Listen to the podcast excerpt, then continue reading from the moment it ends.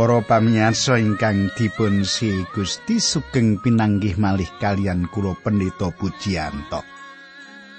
Kados padatan kula badhe sesarengan kalian panjenengan wonten ing sawetawis wekdal menika kula badhe ngancani panjenengan wonten ing salebetipun adicara margi utami adicara ingkang sampun panjenengan antos-antos. Panjenengan nembe midhangetaken adicara menika ampun dilesik gelombangi panjenengan mirengaken raos-raosaken mbok menawi wonten ing mriki panjenengan pikantuk berkah.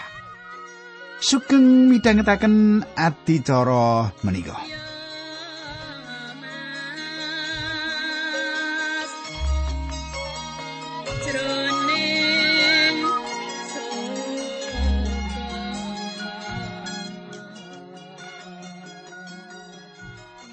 Para pamirsa kepengker kula sampun ngaturaken dumateng panjenengan bilih Ayub Ayub mboten manggihaken sederek-sederek para mitranipun ingkang nuweni piyambakipun menika nyukani pitulungan.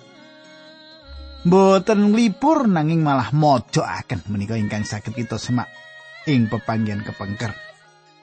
Para pamirsa nembe kemawon kula pikantuk SMS saking Mbak Widi kados pundi Mbak Widi mugi-mugi sesarengan kalian kula lan sedaya perkawis gesang tentu panjenengan Gusti Yesus Kristus saged mitulungi panjenengan Mbak Widi. Nah para pamirsa monggo kita tumungkul kita ndedonga sesarengan. Duh Kanjeng Rama ingkang dampar wonten kraton ing kasuwargan kawula ngaturaken gunging panuwun. Menawi wekdal menika kawula saged tetunggilan kalian sederek-sederek kawula malih wonten ing salebetipun adicara margi utami. Kawula nyuwun Gusti berkahi Gusti mitulungi kawula linambaran asmanipun Gusti Yesus Kristus kawula ndedonga lan kawula pasrahaken adicara menika wonten ing tuntunan paduka. Haleluya. Amin.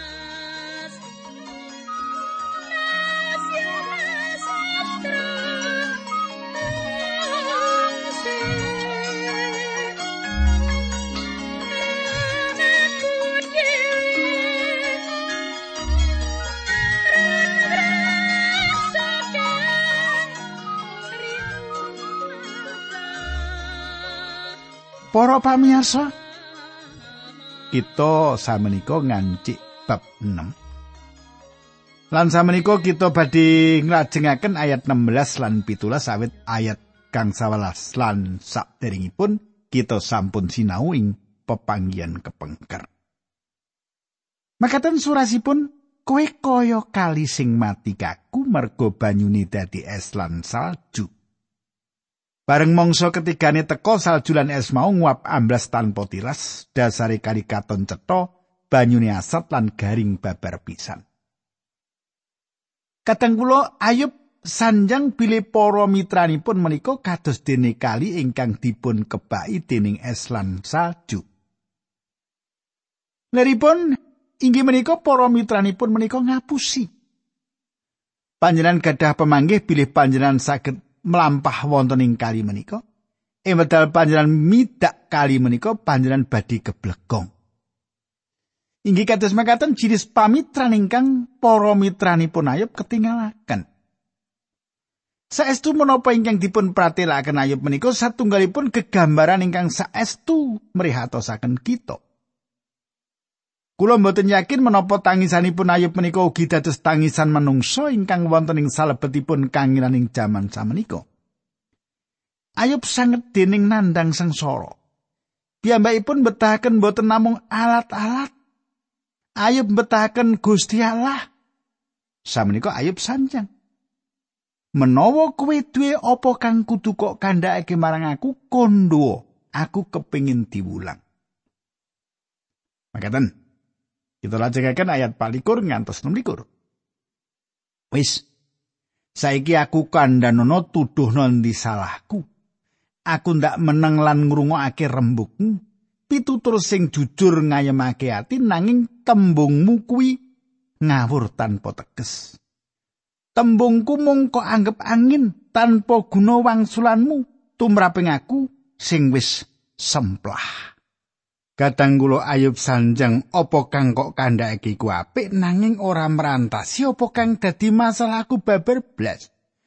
Kowe ora niti apa kang dadi perkaraku. Kula mireng wonten tiyang ingkang priksa dokter lan manut dokter tiyang menika kenging samurat. Nanging kasunyatanipun penyakitipun tiang menika, penyakitipun tiang menika boten asamurat nanging kanker. Lan wekdal tiang menika priksa dhateng dokter ahli kanker. Dokter Sanjang pilih kankeripun menika sampun telat. Kanthi makaten boten malih saged dipun tulungi. Inggih kados makaten menika ingkang nempuh Ayub. Ayub sanjang kowe wis teko lan kowe wis nyoba naliti perkaraku nanging panelitianmu kuwi luput.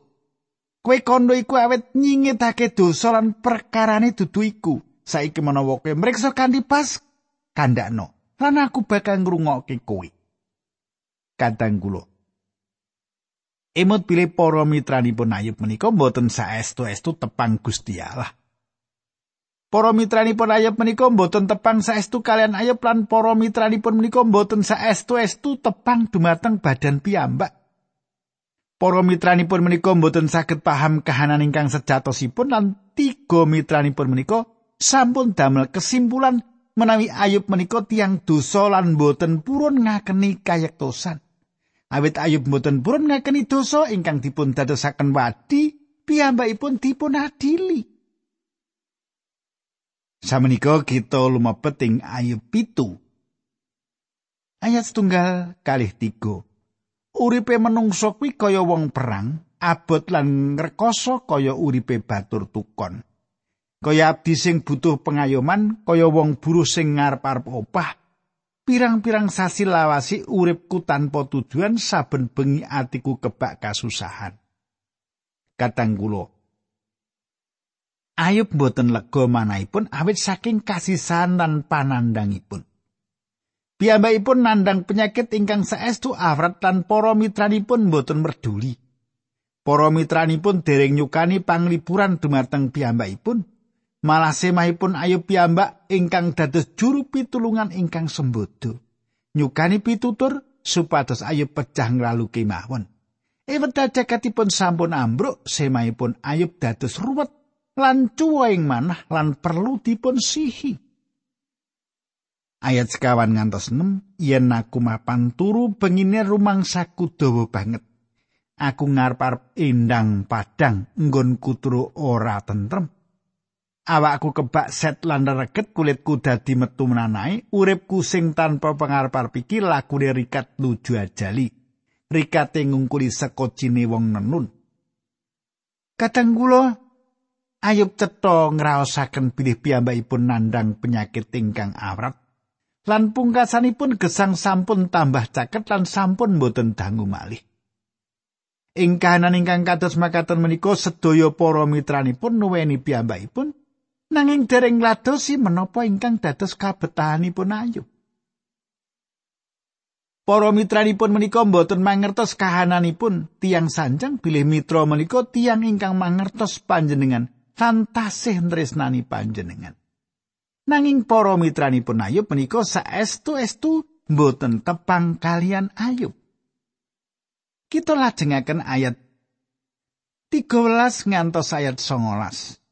Makaten kula waosaken supados panjenengan gadah kegambaran. Kawula tileman badhe ngaso lan pados panglipur kangge manah ingkang lukruk. Nanging kawula paduka ajri-ajri srana impen paduka damel giris kalian tetinggalan salebeting tilem. Temah kawula langkung remen saupami dipun teka lan pejah tinimbang gesang nanging badan kawula nandang sengsara makaten. Kawula saya lan bosen gesang. Kawula aluwung pejah kemawon mugi kersa nilar kawula margi gesang kawula namung kados hawa kemawon. Kenging menapa manungsa paduka anggep wigatos? Kenging menapa lampahipun tansah paduka pirsani? Saben enjing paduka gatosaken lan sekedap-sekedap paduka cobi. Menapa nate paduka mengo saking kawula ngantos kawula kobreng ngulu itu? Katang kula hingkang kula tresnani. Ketingalipun sakit ingkang dipun rasaken Ayub menika andadosaken Ayub katempo ing gangguan mental lan halusinasi. Ayub gadah pengajeng-ajeng piyambakipun saged pecah ing salebetipun katentreman. Piyambakipun gadah pengajeng-ajeng bilih Gusti Allah badhe ngejaraken piyambakipun piyambakan. Piyambakipun rumaos bilih piyambakipun sawek dipun cobi nanging piyambakipun boten mangertos menapa ingkang dados jalaranipun ngantos katempuh sedaya bencana ingkang kados mekaten menika. Ingkang dipun tindakaken inggih menika satunggalipun patrap ingkang kathah tiang tindakaken. Aja ganggu aku nalika aku lagi nandang kang kaya mengkene iki. Para pamirsa kita lajengaken ayat kali dosa ngantos likur. Duh Allah ingkang jagi kawula. Dosa kawula menapa dateng paduka? Menapa dosa kawula ngawrat-awrati paduka? Menapa paduka mboten saged ngapunten dosa kawula? Menapa mboten saged paduka nglebur dosa kawula?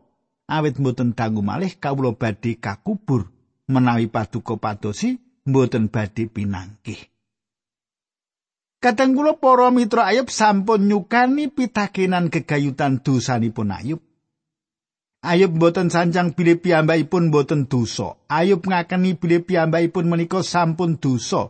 Nanging kenging menapa piyambakipun kapilih dados tiang ingkang katendang mriku mriki minangka tiang dosa ingkang awon. Kenging menapa gesangipun dados satunggalipun momotan ing wekdal piyambakipun boten kalebet tiyang dosa ingkang kados makaten. Kenging menapa Gusti Allah boten gadah sekawelasan dumateng piyambakipun? Kenging menapa Gusti Allah boten ngapunten dosanipun lan mulihaken kahananipun? Sawetawis Ayub ngakeni bilih piyambakipun menika tiyang dosa, piyambakipun meratelaken bilih piyambakipun nampi paukuman nglangkungi menapa ingkang kedah dipun tampi. Kita saged ningali ing salebetipun badaning Ayub bilih piyambakipun katempuh gangguan ing salebetipun kajujuran lan kamurnanipun. Ing wedal kejujuran lan kamurnianipun tiang keganggu. Tiang menika dados kurban ingkang gampil kangge dipun untal iblis. Inggih menika perkawis ingkang dumados kathah tiang jaman samenika. Ingkang budidaya merantasi bot repoting gesang piyambakan. Tiang menika wiwit mendem-mendeman lan dawa ing salebetipun dosa. Iblis gadah satunggal wewengan nyerang tiang menika awit kemurnian lan kejujuran tiang menika sampun ajur. Inggih menika kahanan ingkang dipun lampahi Ayub menapa mental Ayub badhe ajur ngadepi momotan gesang ingkang awrat kados makaten. Kadang kula samenika kita lumebet ing Ayub bab 8. Samenika pasinon kita lumebet ayub bab 8. Kadang kula mitra ingkang salajengipun ingkang meratelaken panyeranganipun inggih menika Bildad. Bildad inggih menika kita golongaken ing golongan tradisionalis. Bildad menika tiang jalar ingkang sumindhe dumateng gesang ing jaman kepengker ingkang dados alasanipun inggih menika ayub 8 ayat 8 ngiling ana jamane para wong mursid ing jaman kepungkur titenana pengalamane para leluhur. Para pamirsa, menapa ingkang dipun sanjangaken Bildad menika kados piyambakipun mendhet fosil. Ningali lan nyariosaken menapa ingkang dumados mataun-taun ingkang sampun kepengker lan nafsiraken menapa ingkang badhe dumados sejatosipun. Tiang ingkang nganut evolusionis saestu-estu tiang tradisionalis lan kathah tiang ingkang boten mangertos. Tiang-tiang ingkang nganut evolusionis suminding jaman ingkang kepengker lan nampi penginten-inten mligi ingkang boten saged dipun buktekaken.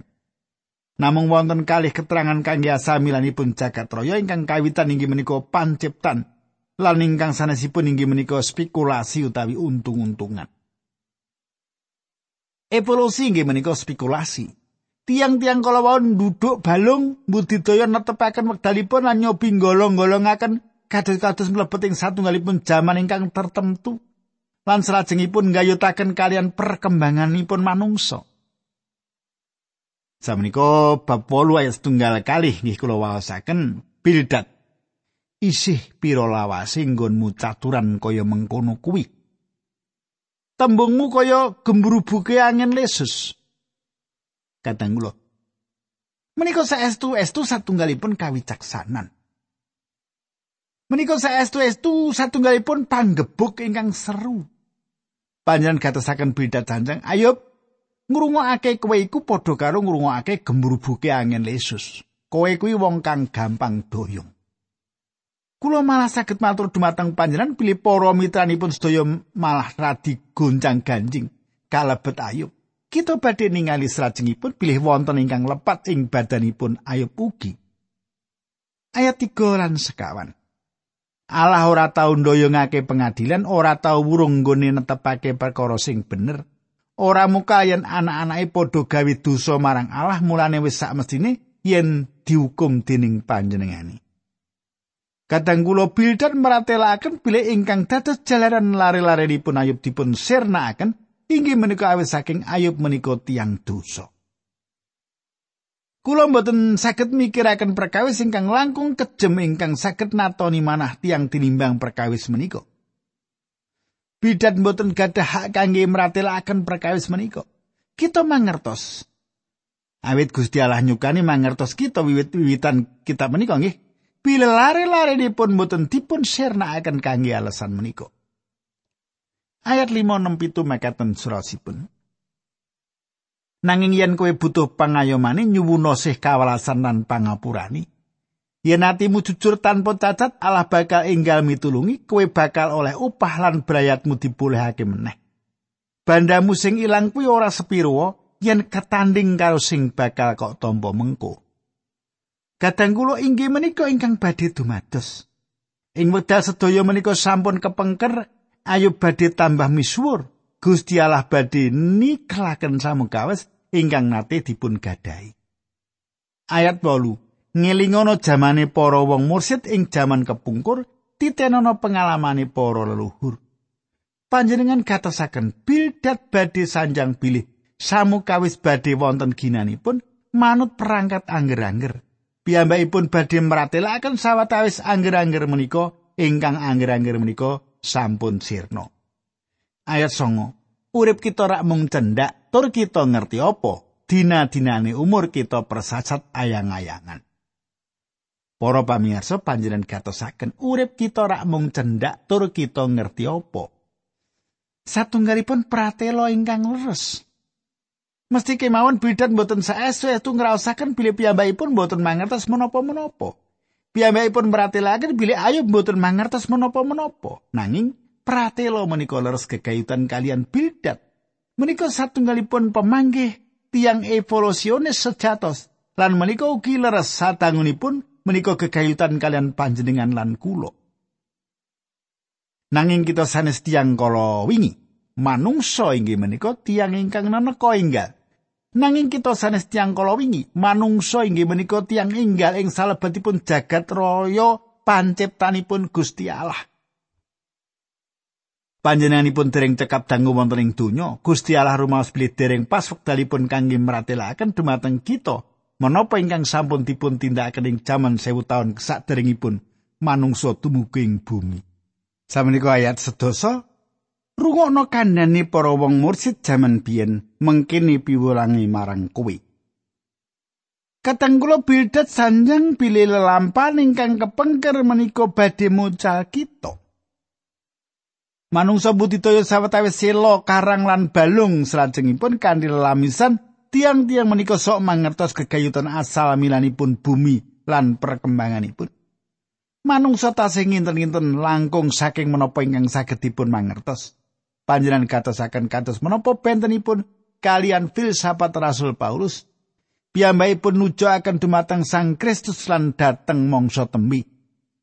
Filipi 3 ayat 18 dadini aku mlayu ngener marang tujuanku supaya oleh ganjaran mau ya kuwi timbalane Gusti Allah urip anyar sing dicadangake lantaran Sang Kristus Yesus.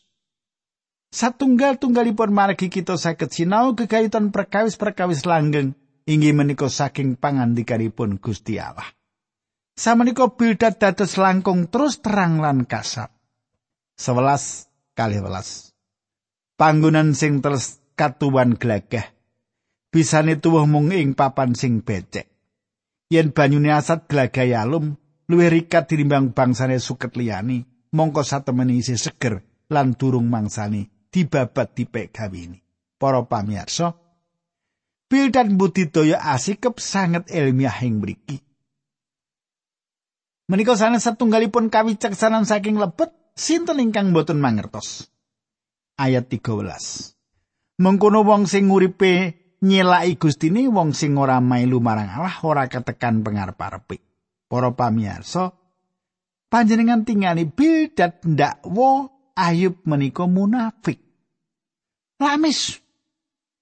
Pun sanjang Ayub sampun nutup-nutupi samukawis. Pun sanjang dumateng Ayub kowe wis dadi wong lamis kepengin katon ngidapin tapi kamangka kasunyatane ora kaya mengkono. Ayat 18 ngantos kang 11 kaya wong sing ngendelake benang saler mongko benang mawalusi kaya kelamat kemlandingan apa kelamat kuat yen dinggo gandulan apa ora nyilakani yen dinggo cekelan para pamirsa panjenengan gatosaken menika sami kalian suminde ing jaring monggo Eweda kangilan nempuh jaring menika mboten badhe nyangga panjenengan. Ayat kali doso. Nanging wong setya ora bakal ditilar dening Allah. Kaya dene wong duraka ya ora tau dipitulungi. Kadang kula menapa menika leres? Gusti Allah cetha sampun mitulungi kula sinau kula sampun nindakake piyawet. Gusti Allah menika milu jengaken kula menapa badhe Gusti nampi tiang ingkang mursid? Mboten. Nanging ing pundi tiang ingkang mursid menika mapan? Mboten wonten tiang mursid. Kitab suci secara gamblang meratelaken mboten wonten ingkang leres sinau setunggal tiang kemawon. Ayub 3 ayat 1. Sinaosa menapa ingkang dipun sanjangaken Bildad menika leres, perkawis menika dados mboten leres ing wedal panjenengan ngesoaken ing salebetipun wadah kangge dadalan nglebetaken aseming pengalaman ing salebetipun wadah menika.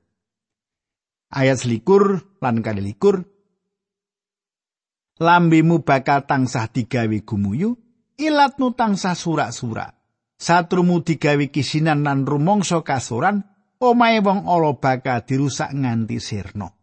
Kadang kula Bildad sanjang dumateng ayo pilih piyambakipun boten ngantos dumuging pundi-pundi awit piyambakipun gadah dosa ingkang saestu ageng. Pratela menika saestu boten migunani kangge tiyang ingkang kahananipun kados dene ayu. Panjenengan tingali Bildad boten tepang Gusti Allah.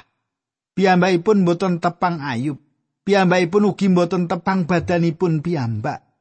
Piyambakipun tiang tradisionalis. Piyambakipun gadah pemanggih kanthi panelitian ilmiah piyambakipun saged sanjang kapan jagat menika kawiwitan. Piyambakipun menika tiang ingkang lantip nanging boten mangertos menapa-menapa. Piyambakipun boten saged ngentosi kalenggahanipun Gusti Allah. Para pamirsa, monggo kita ndedonga sesarengan. Duh Kanjeng Rama ing swarga kawula ngaturaken gunging panuwun menawi wekdal menika kawula saged sinau kekayutan kalian lampah gesangipun Ayub lan ugi para mitranipun ingkang boten saged lipur boten saged nyekapi kabetani Ayub. Kawula pasrahaken wonten ing asta paduka sedherek kawula ingkang sapunika nembe cuwa kalian para mitranipun supados Gusti Allah piyambak ingkang lipur. Dinambaran asmanipun Gusti Yesus kawula netunggal. Haleluya. Amin.